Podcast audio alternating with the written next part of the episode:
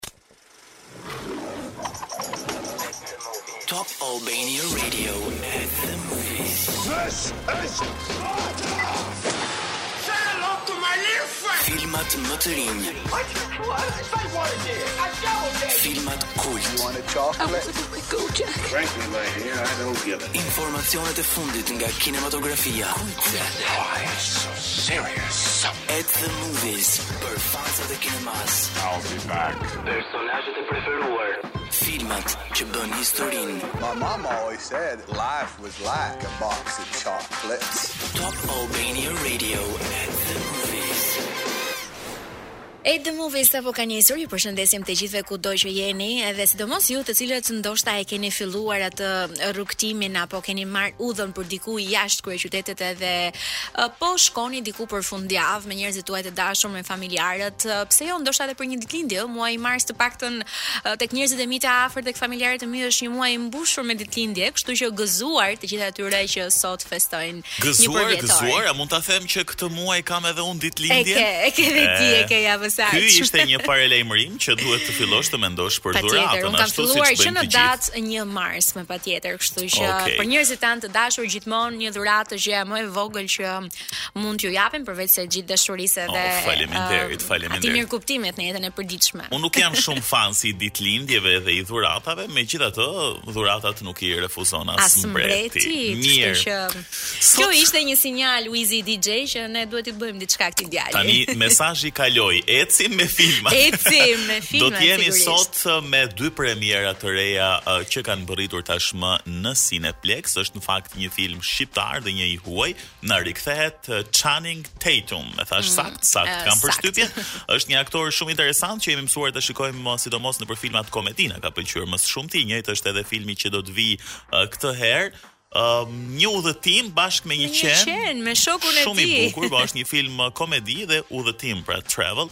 Do t'ju flasim pas pak për këtë film, um, shumë interesant, mua më pëlqejnë shumë filmat me udhëtime. Uh, Aq më tepër, um, në këtë periudhë që po vjen edhe vera, edhe udhëtimet janë akoma më të bukura. Tashmë është herët për të thënë drejt destinacioneve bregdetare, po pak nga pak po fillojmë ta ndjejmë atë ngrohtësinë e pranverës dhe verës më pas. Dhe më pas do të fokusohemi në prodhimet shqiptare, sepse dukshëm uh, kanë qenë të shumta edhe vijojnë të mhm. jenë. Mm -hmm. Kemi një, një tjetër premierë në Cineplex, një film um, shqiptar, le të themi bashkëpunim shqiptaro-italian Si dhe në pjesën e dytë të programit do të ndalemi tek një burrneshë, po vërtet e kam fjalën për një burrneshë, sepse flasim për një femër, për një vajzë nga Kosova, e cila ka ngjitur majën e Everestit vite më parë dhe tani vijon të ngjisë maja të tjera mbi 8000 metra dhe flasim për një dokumentar që po realizohet lidhur me jetën e saj dhe me sfidat që ajo ka arritur të mposhtë. Dhe me shumë mundësi ajo ende është duke ngjitur ndonjë mal edhe sot, po ne do ta kemi në lidhje telefonike në pjesën e dytë të programit. At the movies, rikthehemi sërish sigurisht për të folur për filmat, edhe Edi më beso që të shikoja një film në 9 apo 10 të darkës në Cineplex ishte një ndjesi shumë e munguar, por edhe shumë e bukur.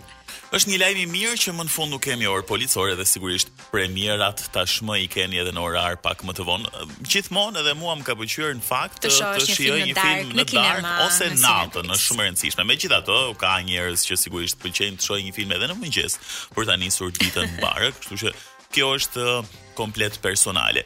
Filmi titullohet Dog, Dog. premiera e parë për të cilin um, do të flasim tani, Tani është Channing um, Tatum. Tatum është um, aktori kryesor. Në fakt um, te ky film vjen si një pjesëtar, po themi i forcave të armatosura uh, të mhm. shteteve të bashkuara të Amerikës, i cili ndërmerr um, një udhëtim bashkë me qenin e tij për të kapur uh, funeralin e një kolegu të tij që zhvillohet në një shtet tjetër. Por gjatë këtij rrugëtimi lindin shumë të papritura, Të dy lidhen më shumë me njëri tjetrin, por mësojnë edhe shumë të papritura, sepse udhëtimi i ka gjithmonë uh, këto gjëra, këto aventura, po themi që lindin.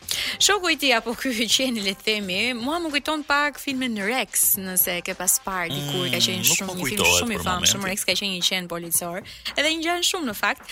Por um, ju kujtojmë pak që uh, Channing Tatum do të vijë së shpejti, jo më larg se javën e ardhshme, do ta kemi në një tjetër premierë, dhe tashmë uh, do të jetë së bashku me Sandra Bullock, uh, The Lost City titullohet filmi, premiera që pritet të vijë javën e ardhshme. Dhe ky është një zhanër tjetër apo jo, aksion, sepse më Channing Tatum zakonisht luan mes këtyre dy mm -hmm. zhanreve, pra o komedi, komedi o aksion. aksion Kështu që varet se ku e shikoni ju më tepër. Po, kur futet edhe Sandra Bullock kemi edhe pak dozë romance. Patjetër, Kështu që kjo nuk diskutohet. Të dy janë shumë të bukur në fakt, por um, sidomos ju që i keni shumë qejf kafshët shtëpiake, ndoshta jeni shumë të apasionuar pas uh, Pas qenit si kafsh, se të gjithë ju keni një lidhje shumë të veçantë. Unë s'kam një qen, por um, Por nëse do kishe çfarë të preferoje, një qen apo një mace? Uh, një qen, një qen më shumë.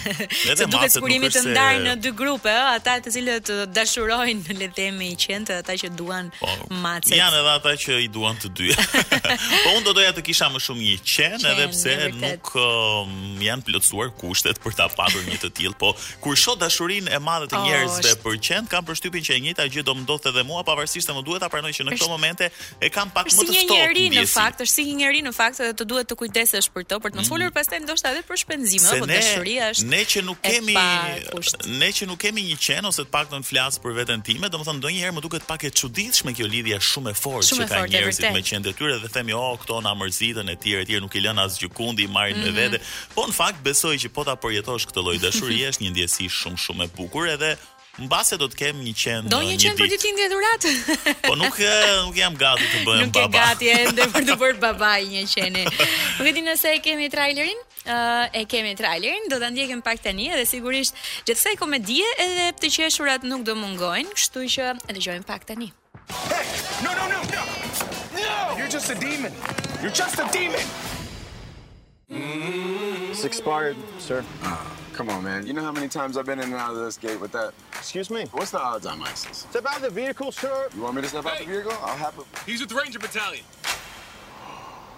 Ranger Battalion. Ky është traileri ju mund të prenotoni biletat tuaja në aplikacionin e përmirësuar Cineplex Al, mund të futeni në faqen zyrtare cineplex.al, mund të abonoheni aty për të marrë nëpërmjet emailit të gjitha premierat, si dhe për të parë çdo gjë tjetër që ofron Cineplex, ofron gjithashtu dhe kuice që mund të gjeni le të themi përgjigjen e saktë për filmat që mund të shikoni aty për kuic. japim dhe ne. Sigurisht do ta kemi në fund, në fund fituesin e kuicit të javës që lamë pas. Ndërkohë, um, sa herë që bëhet fjalë uh, për udhëtim, unë mm. kam një këngë në mendje. Mm. Në fakt përkon sepse edhe udhëtimi në filmin Dog bëhet drejt Kalifornisë, kënga ah, që do të vijë tani okay. titullohet Californication. Pra... Mirë, ja ku rikthehemi sërish në At the Movies, është pikërisht momenti për të folur për filmin Portreti i pambaruar. Është një film me regji Të Namik Ajazit dhe skenar të Ruzhdi Pulahës. Në fakt është një bashkëprodhim shqiptaro-italian i vitit dy mijë e nëntëmbëdhjetë. Kanë kaluar pak kohë, por sigurisht ashtu siç ka ndodhur me shumë filma shqiptarë apo jo Arta që pandemia po themi i ka shtyrë uh, që të shfaqen për publikun. Në premierat, por ja tek e kemi. Dhe është um, shumë i suksesshëm, mm -hmm. më lejo mhm. të them edhe këtë që um, në edicionin e 21 të festivalit uh, të filmit Karlsruhe në Gjermani ka fituar dhe çmimin filmi më i mirë, kështu që le të themi në këtë rrugtimin e festivaleve duhet thënë që ka pasur vërtet sukses, edhe tashmë na mbetet për t'u parë se um, si do të jetë suksesi për publikun shqiptar për të folur më shumë rreth këtij filmi që ka një histori shumë interesante. Po, në fakt flet për një histori të pamundur dashurie mes një djali shqiptar dhe vajzës së ambasadorit italian gjatë viteve të diktaturës komuniste në Shqipëri. Histori dashurie që mesa duket um, është gjetur për të për t'u përcjellë edhe edhe një herë atmosfera dhe dramat e shoqërisë shqiptare gjatë diktaturës komuniste, të cilat në fakt nuk është se kanë qenë të rralla, edhe në fakt le t'i quajmë drama po, sociale, po, edhe për sa kohë që ka pasur um, çifte që janë ndarë pikërisht mm -hmm. për shkak të rrethanave të, ka gjithmonë për të mësuar rreth asaj periudhe. Kemi tani uh, në lidhje telefonike regjisorin Namik Ajazi. Përshëndetje. Përshëndetje. Përshëndetje. Kënaqësi që ju kemi uh, në lidhje telefonike sepse edhe sot për ju është një ditë pak a shumë e ngjeshur me aktivitet apo jo. Sapo kemi mbaruar në fakt jam këtu ende në Milenium, në kinema Milenium, sapo kemi mbaruar konferencën e shtypit mm -hmm. mbas projeksionit që u bë për gazetarët, kështu që jam në dispozicionin tuaj për të për Faleminderit. Tani ju uh, heqim kureshtjen për çfarë ju duhet. Po, po, po, nuk do ta zbulojmë të gjithën, se njerëzit duhet shkojnë ta shikojnë vetë, po pak detaje. Tani um, kjo historia e dashurisë në këtë kohën um, e komunizmit, ne kemi dëgjuar plot histori interesante edhe dashurie në atë kohë, pavarësisht disa prej tyre që kanë përfunduar keq etj etj. A ka element të së vërtetës? Njerëzit bënin dashuri edhe në atë kohë, po, dhe ishin dashuri tepër të ndryshme që nga këto të sotme. Sigurisht, po ak tek tek filmi Portreti i pambaruar, a, a jeni bazuar po themi në një histori të vërtetë, a ka elemente të së vërtetës apo është thjesht një një fiction po jo, themi jo, një histori e krijuar? Filmi është bazuar në disa histori të vërteta. Mm -hmm. Në, në, në punën paraprake që kam bërë për realizimin e filmit, uh, gjithmonë unë nisem uh, që tu është duke shfletuar atë çka ka ndodhur dhe duke iu referuar uh, arkivit të sistemit siç quhet sot ose ish arkivit të Ministrisë së Brendshme janë shtatë histori dashurie. Wow, shtatë në një. Të, të ndjekura dhe të përfunduara gjithmonë keq mhm. nga sistemi i atëhershëm, nga sigurimi i shtetit. Dhe sigurisht njëra nga këto histori është më afër kësaj që ne kemi marrë për ta për ta përcjellë në film, mm -hmm. por E përsëris me këtë film kemi dashur t'u bëjmë homazh të gjithë historive të dështuara të pamundura mhm. të dashurive me të huaj në komunizëm. Um, zakonisht filma që i dedikohen asaj periudhe nuk janë të pak. Tani, cili është qëllimi ose çfarë do t'i do t'i thonim publikut të ri kryesisht që nuk e ka përjetuar atë periudhë për ta ftuar edhe për ta parë këtë film? Pra, çfarë zbulojnë të rinjtë e sotëm kur shohin këtë film?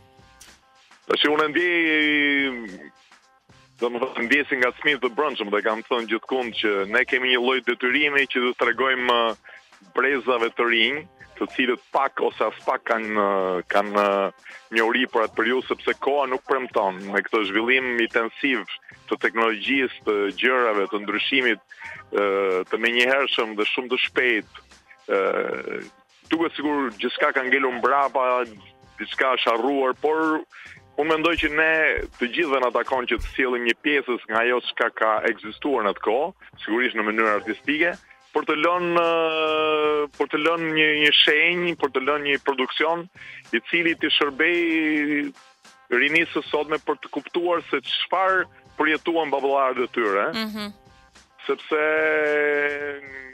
Një popull që nuk ka kujtesë për të shkuarën, pak shanse ka që të të shkojë mirë në të ardhmen. Po, kjo, kjo është kjo është shumë e vërtetë dhe secili prej nesh ka një lloj lidhje absolutisht në mos të drejtpërdrejtë, uh, në një brez apo në një tjetër sigurisht na ka prekur të po, gjithë ajo. Sigurisht, që në ka qenë një burg i madh për të gjithë.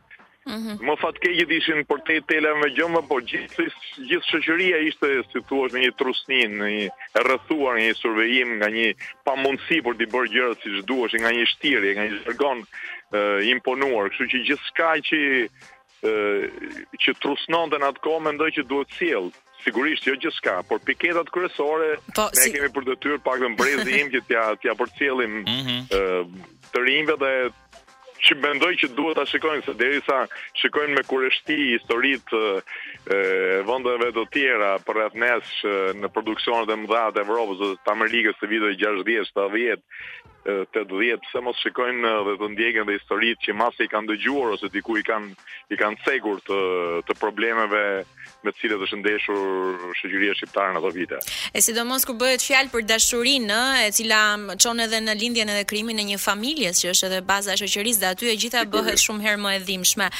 Zoti Ajazi, për sa i takon xhirimit të filmit, sa e vështirë ka qenë që të sillni atmosferën e atyre viteve, edhe si ka lindur bashkëpunimi me kastin e aktorëve dhe nëse nëse mund të na thoni disa prej emrave, Sepse me sa duket kanë qenë një përzierje ë edhe aktorë po, shqiptarë dhe italianë. Aktorë italianë edhe shqiptarë. Ky është ky është filmi im i dytë mm -hmm. që mhm. që merr spunto nga nga ajo kohë dhe rastësisht janë histori që kanë ndodhur në vitet 80, si Amanet, mm -hmm. si portreti i pambaruar. ë uh, Vështirësitë janë të shumta, dihet ajo, transformimi i jashtëzakonshëm që ka pësuar në radhë të parë qyteti dhe gjithë të gjithë transformimet dhe shoqëria në vetvete, domethënë, kështu që nuk ishte, nuk ishte fare kollaj të ktheheshe në kohë. Ne duhet të gjenim aktorët që do të luanin djemtë 20 vjeçarë të viteve 80, pra do ktheheshim mbrapa. Dhe këta është e vështirë sot që t'i gjesh.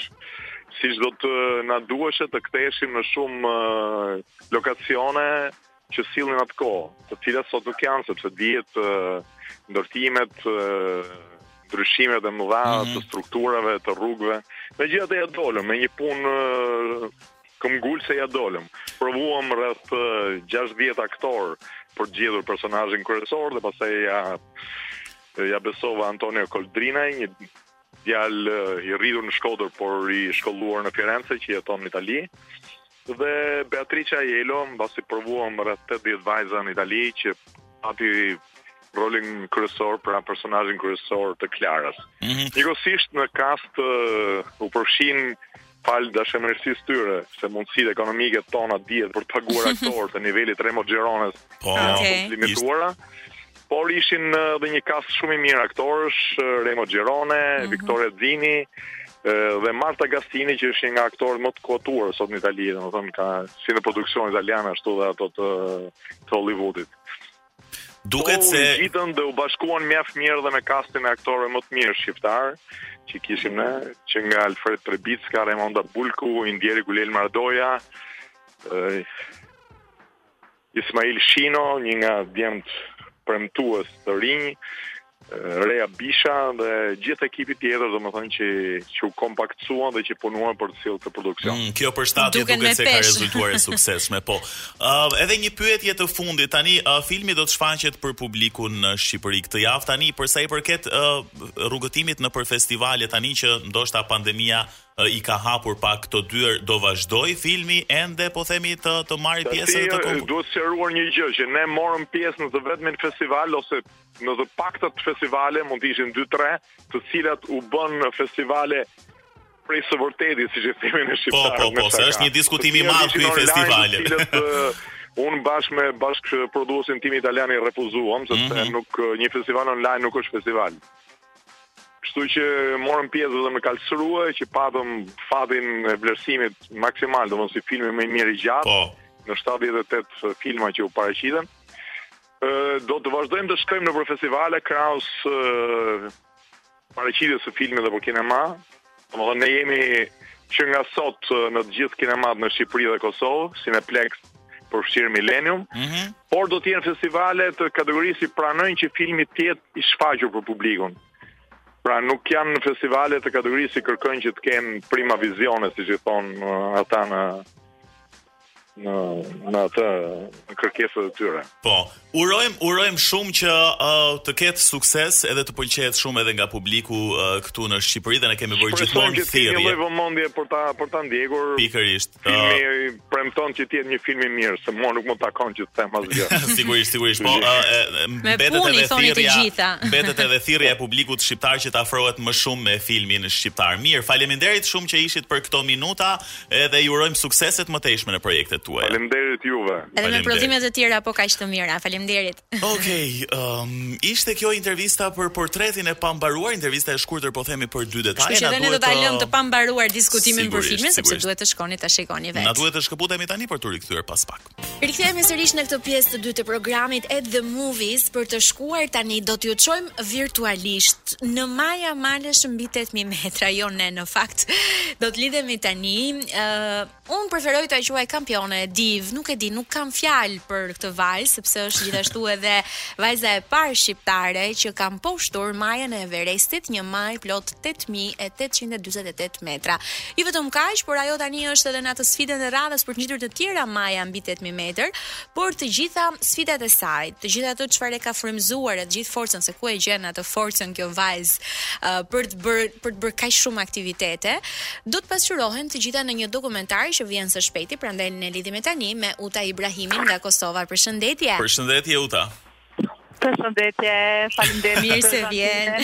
Dhe me sa me sa energji uh, je që duhet thënë uh, nga nga nga po na nga po na po themi nga po lidhemi tani se në fakt uh, duhet të jesh diku besoj në një aktivitet edhe tani apo jo. A, në fakt, jo, sot jam n'Prishtinë, jam okay. në shpi, kam përfundu aktivitetin e vrapit. Sa kilometra bëre Uta? Ah, i kam bë diku sot 13 kilometra. Okej. Jo shumë. Ju ditën mirë. Vrapin e ke të përditshëm, besoj patjetër që duhet të të jesh në formë pastaj për çdo, po themi çdo sfidë që do të dali përpara. A, po, po me ndekë unë nuk jam malëve, vratin e mm -hmm. për i mhm. të ditë më në gjesë, më ndekë vazhë e ushtimet në CrossFit, mirëpo vrapin e kam një farë terapie të mëngjesit që çohem, dal vrap para se me lind dili edhe mandej fillon dita me plot energji edhe plot vullnet. Oh, ta, oh, të duam shumë. Kur... Imagjino pak ti zgjohesh në orën 7 të mëngjesit ndërkohë Uta ka postuar një story dhe thotë mbarova vrapin edhe 13 kilometra. E, e di sa keq, e di sa keq ndihemi Uta sepse për ne që zgjohemi diku nga ora 10 është një tmerr i vërtetë. A ju do të ju do të mos zgjuni herët n'mëngjes me po. Sa të ndjen një në mëngjes, ka më mirë. Uta, um, momentalisht një dokumentar që të dedikohet ty po shfaqet nëpër festivale ndërkombëtare. Si ka lindur ideja e dokumentarit apo si të ka ardhur ftesa, si lindi e gjitha si gjë? Uh, po, dokumentari uh, Uta dhe Klein për Kosovo, kështu është emri i dokumentarit, uh, xhiru në vitin 2000, në fakt krejt ka në vitin 2018, mm -hmm. uh, ndërkohë që regjisorin e e dokumentarit unë e kom taku pak para se me shku në Everest me një event uh, në Kosovë, mm -hmm. nuk kemi fol, nuk, nuk e kemi pas idenë e dokumentarit atëherë, e pat ardh në Kosovë me bo një dokumentar tjetër, është një regjisor nga, nga Anglia, Uh, edhe kur uh, kom përfundu Everestin, më ka shkru edhe më ka thonë, wow, kurrë s'e kom mendu që një njeri që kom taku para disa muajve, ka ngjit uh, majën e Everestit. Edhe kështu në 2018-tën, uh, ma bën ftesën me marrë pjesë uh, me, me xhiru bashkë, domethonë, dokumentarin. Në fakt, kom qenë pak skeptike për faktin që janë dy anglez, edhe pse uh, kompania West Media, uh, kompania që ka bo produksionin, janë kompani shumë e mirë edhe kanë bo dokumentare dhe ma herët, mm -hmm. po për mu ka qenë një pak dyshimi për shkak që Gjuha me cilën kemi fol ka qenë gjuha angleze dhe unë mendojsha që ndoshta s'kom me mrri me shpreh saktë ndjenjën emocionet dhe idenë e krejt ngjitjes tem në Everest në mënyrën ma t'mirë për shkak se gjuha amtare është gjuha shqipe dhe unë ndihem ma rahat më më po, po, A ka ndonjë pjesë ku ti flet ndonjë fjalë shqip për shembull në dokumentar?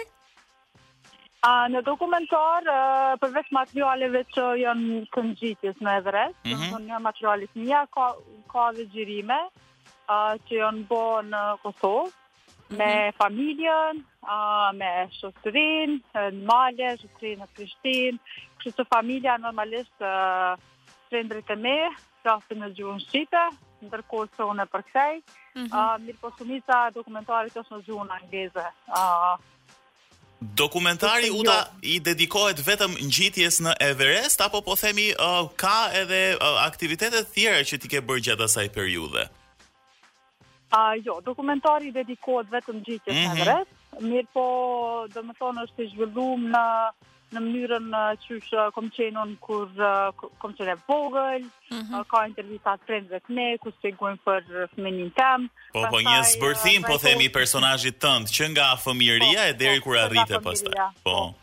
Shumë interesant. Pastaj ka pjesë të luftës, mm -hmm. qysh e kom përjetu unë luftën, çka ka ndodhë në Kosovë, sepse uh, ideja e dokumentarit është me sjell Kosovën në publikun uh, e huaj, në një formë tjetër, do të thotë prej një mhm. vajze të ngjitet maleve, që në të njëjtën kohë forcën edhe motivin e ka vendin e vet flamurin kombin po, është vërtet sepse... në trailer në trailer ti thua që un dua t'i tregoj botës që Kosova është një shtet i pavarur dhe nuk jemi më në luftë ndryshe nga ç'mund disa shtete të, të po. mendojnë po edhe edhe të gjitha sfidat po. që um, Uta ka kaluar po themi Janë pikërisht ato që e kanë bërë kaq të fortë dhe që ka bërë gjëra kaq të rëndësishme. E ndjekim vetëm pak trailerin sepse mua më pëlqen shumë. Okej, okay, po, bashkë me po. Utën. Mhm. What do I love about Kosovo? Uh, I love people and energy. Mountains are beautiful.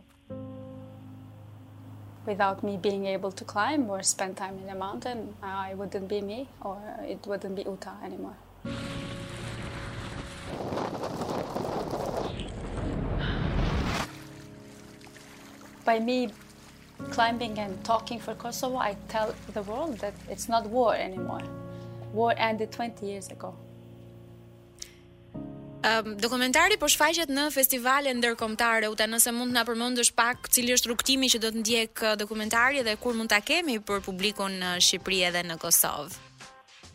A uh, po fest, uh, është pranuar nëpër disa festivale në mm -hmm. nëpër botë. Uh, e fundit ka qenë No Man's Land Festival që është një festival shumë i madh që i ka vetëm filma dokumentar të vajzave, mm -hmm. do të thotë ku personazhi është vajzë, edhe është uh, goxha i famshëm në uh, në botë si festival i filmave të shkurt. Uh, ndërkohë e ka fitu një film në një festival në Turqi, është Istanbul uh, Festival për Outdoors. Urime. Edhe faleminderit. Uh, faleminderit edhe ndërkohë ekipa e produksionit janë tu apliku nëpër festivale të ndryshme. Aha. Uh, besoj që gjatë verës të këtij viti kena me bo shfaqjen edhe në Kosovë dhe në Shqipëri edhe në vendet ku ku ka shqiptar në uh, Ballkan. Ah, kështu po mendoj pjesa ah, jonë është një ekip i pro- e producentëve dhe një ekip tjetër që po punojnë me distribuim të filmit. Ah, un puna jem do thotë ka qenë ah, me nda tregimin edhe me me u mundu mi ia dhon të gjitha materialet që kam xhiru gjatë ngjitjes ndërkohë që punën e produksionit është te kjo ah, kompania West Media nga Anglia që po bëjnë një punë shumë të mirë dhe Edhe një punë uh, goxha vullnetare, sepse uh, qysh edhe thashë në fillim kur më është bo ftesa me bo dokumentarin, do thotë nuk kemi folë për financa, ata kanë ardhë me vetëfinancim, mm. uh, nuk kemi pas buxhete prej shtetit për me bo një dokumentar till, nuk kemi apliku në fonde, do thotë mhm. Gjithçka është bo përnime n'baza vullnetare, që më ka bo shumë përshtypje, sepse na kemi Kosova dhe Shqipëria ka shumë regjisorë t'mirë, do thotë, ka producent, të cilve nuk ju ka ra n'men me ma bu një të tillë për me bu një dokumentar, Kështu që e po ja që puna jote do do të shpërblehet në një mënyrë në apo në një mënyrë tjetër. Në mos në Kosovë kanë menduar po. të tjerë për ty, kështu që edhe për ata po. uh, pak persona në Shqipëri, Kosovë, sidomos pastaj edhe jashtë vendit që ndoshta nuk janë kaq familjar sa ne me me pasionin tënd dhe me aktivitetin tënd, do të jetë një mundësi shumë e mirë që uh, të të njihen edhe ti ta prezantosh po. veten uh, pothuajse në të gjitha detajet kësaj radhe, nga fëmijëria jote deri pastaj tek Gjëja më e rëndësishme që ngjite Everestin. Uta ne jemi takuar bashk, së bashku edhe me miqtë tanë alpinistë kur ti je kthyer uh, pas ngjitjes në Everest, edhe Po, e sigurisht dim se po është. ka qenë ka qenë shumë emocionuese në fakt teksa ti na përshkruaje të gjithë rrugëtimin tënd, por nëse mund ta ndajmë pak edhe me publikun që na dëgjon. Gjatë gjithë ngjitjes, sepse ka qenë uh, ngjitja jo e lehtë, ka marrë disa kohë, disa muaj. Çfarë ka shërbyer si burim force për ty që ti t'ja dalësh në atë majë dhe pastaj edhe në maja të tjera? të larta, më të lartat në botë? Uh, unë gjithmonë e kom cek uh, nëpër intervistat e mia që motivi uh, nëpër ngjitje të 8.000 metra nuk mundet me qenë një motiv i thjeshtë, nuk mundet me qenë një pamje e mirë e malit ose mm -hmm. një knarësi e jemja personale. Motivi në këto maje për shkak se vështirësia në ngjitje është jashtëzakonisht e madhe, është ekspeditë dymujore, zgjat uh, është fakt se rrezikon mm -hmm. jetën, çdo hap që e bën e ki, përballesh me rrezikun për jetën. Mm -hmm. Edhe krejt kjo, uh, duhet patjetër me pas një motiv shumë të fortë në mënyrë që ti me shty vetën edhe në momentet ku je shumë afër ndoshta vdekjes. Mm -hmm. Edhe për mu motivi kryesor nëpër secilën maje ka qenë vendi jem edhe populli jem. Se Unë mendoj që na nëpër forma t'ndryshme, pavarësisht çfarë është ajo, unë e kom zgjedh alpinizmin me punu që me promovu venin edhe me promovu vlerat e, e shqiptarve kudo në botë, edhe ndoshta me, me tentu me ndryshu imazhin tonë në Në vendet e huja, mm -hmm. sepse shumë shpesh, shumë shpesh kemi, do të thonë, njerëz na vlerësojnë ose na gjykojnë në forma të ndryshme. Mm -hmm. Dhe ideja jem është nëpërmjet kësaj me me ju tregu botës që jemi një vend i vogël, po jemi një popull me zemër të madhe. Më emocionove Uta dhe tani ja ke arritur më së miri. Uh, pyetja e fundit, pyetja e fundit Uta, uh, Cili është projekti i radhës apo nuk e di çfarë ke ndërmend ndonjë çudi tjetër të bësh tani së shpejti? Uh, po, unë edhe dy javë nisem për majën e 5 ma të naltë në botë edhe majën e 7 prej 8.000 metrave. Prej atëheri që kom qenë në studio, deri tash, Mm. Unë i kom gjithë gjashtë maje të tetë mijë metra. um, kanë mbetë edhe tetë tjera, kështu që po nisna për ekspeditën e radhës, është një, është maja e Makalut, uh -huh. maja e pesta më e larta në botë, tash jom n'fazat e fundit, tu u bo gati, um, tu i gjetë fondet, ende, kështu që besoj kur ta kryej këtë ekspedit kisha pas qef me ardh në studio. Po, të mirpresim. Edhe me bo ni intervistë live. Oh, do ishte shumë kënaqësi, do ishte shumë kënaqësi. Uta e dashur, je frymëzim për të gjithë ne, për femrat, për të gjithë kombin tonë dhe vazhdo kështu edhe jemi shumë krenarë që të kemi edhe bravo edhe për këtë punë që ka ardhur nëpërmjet dokumentarit për të treguar tani edhe botës që ne kemi një Utë, po kemi edhe shumë të tjerë si Uta të cilat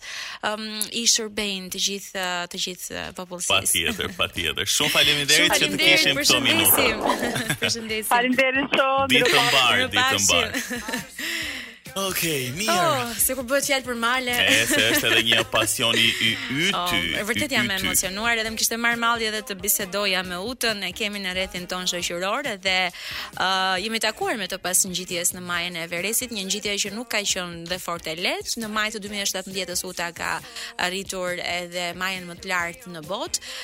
Edhe siç e dëgjuam, është aq e çmendur, po themi në konotacion pozitiv, se që vijon me të tjera maja mbi 8000 metra, është pasioni i saj dhe sigurisht kjo jeta e saj kjo është Uta. Patjetër, patjetër, ishte uh, vërtet shumë frymëzuese për të gjithë ne. Mirë, kemi mbërritur në fund të kuici, programit. Kuici, kush e fiton kuicin? Kuicin e ka fituar um, në Instagram e ka emrin Nin NS. Tashi për emrin e plotë ne do ta kontaktojmë në mesazh dhe ka dhënë përgjigjen e saktë sepse ka gjetur fytyrën e aktorit Genti Kame. Ne kishim zbuluar vetëm një pjesë të fytyrës së tij në fakt. Dhe është pikërisht aktori shqiptar Genti Kame, kështu që Nin ka fituar dy bileta për në Cineplexx.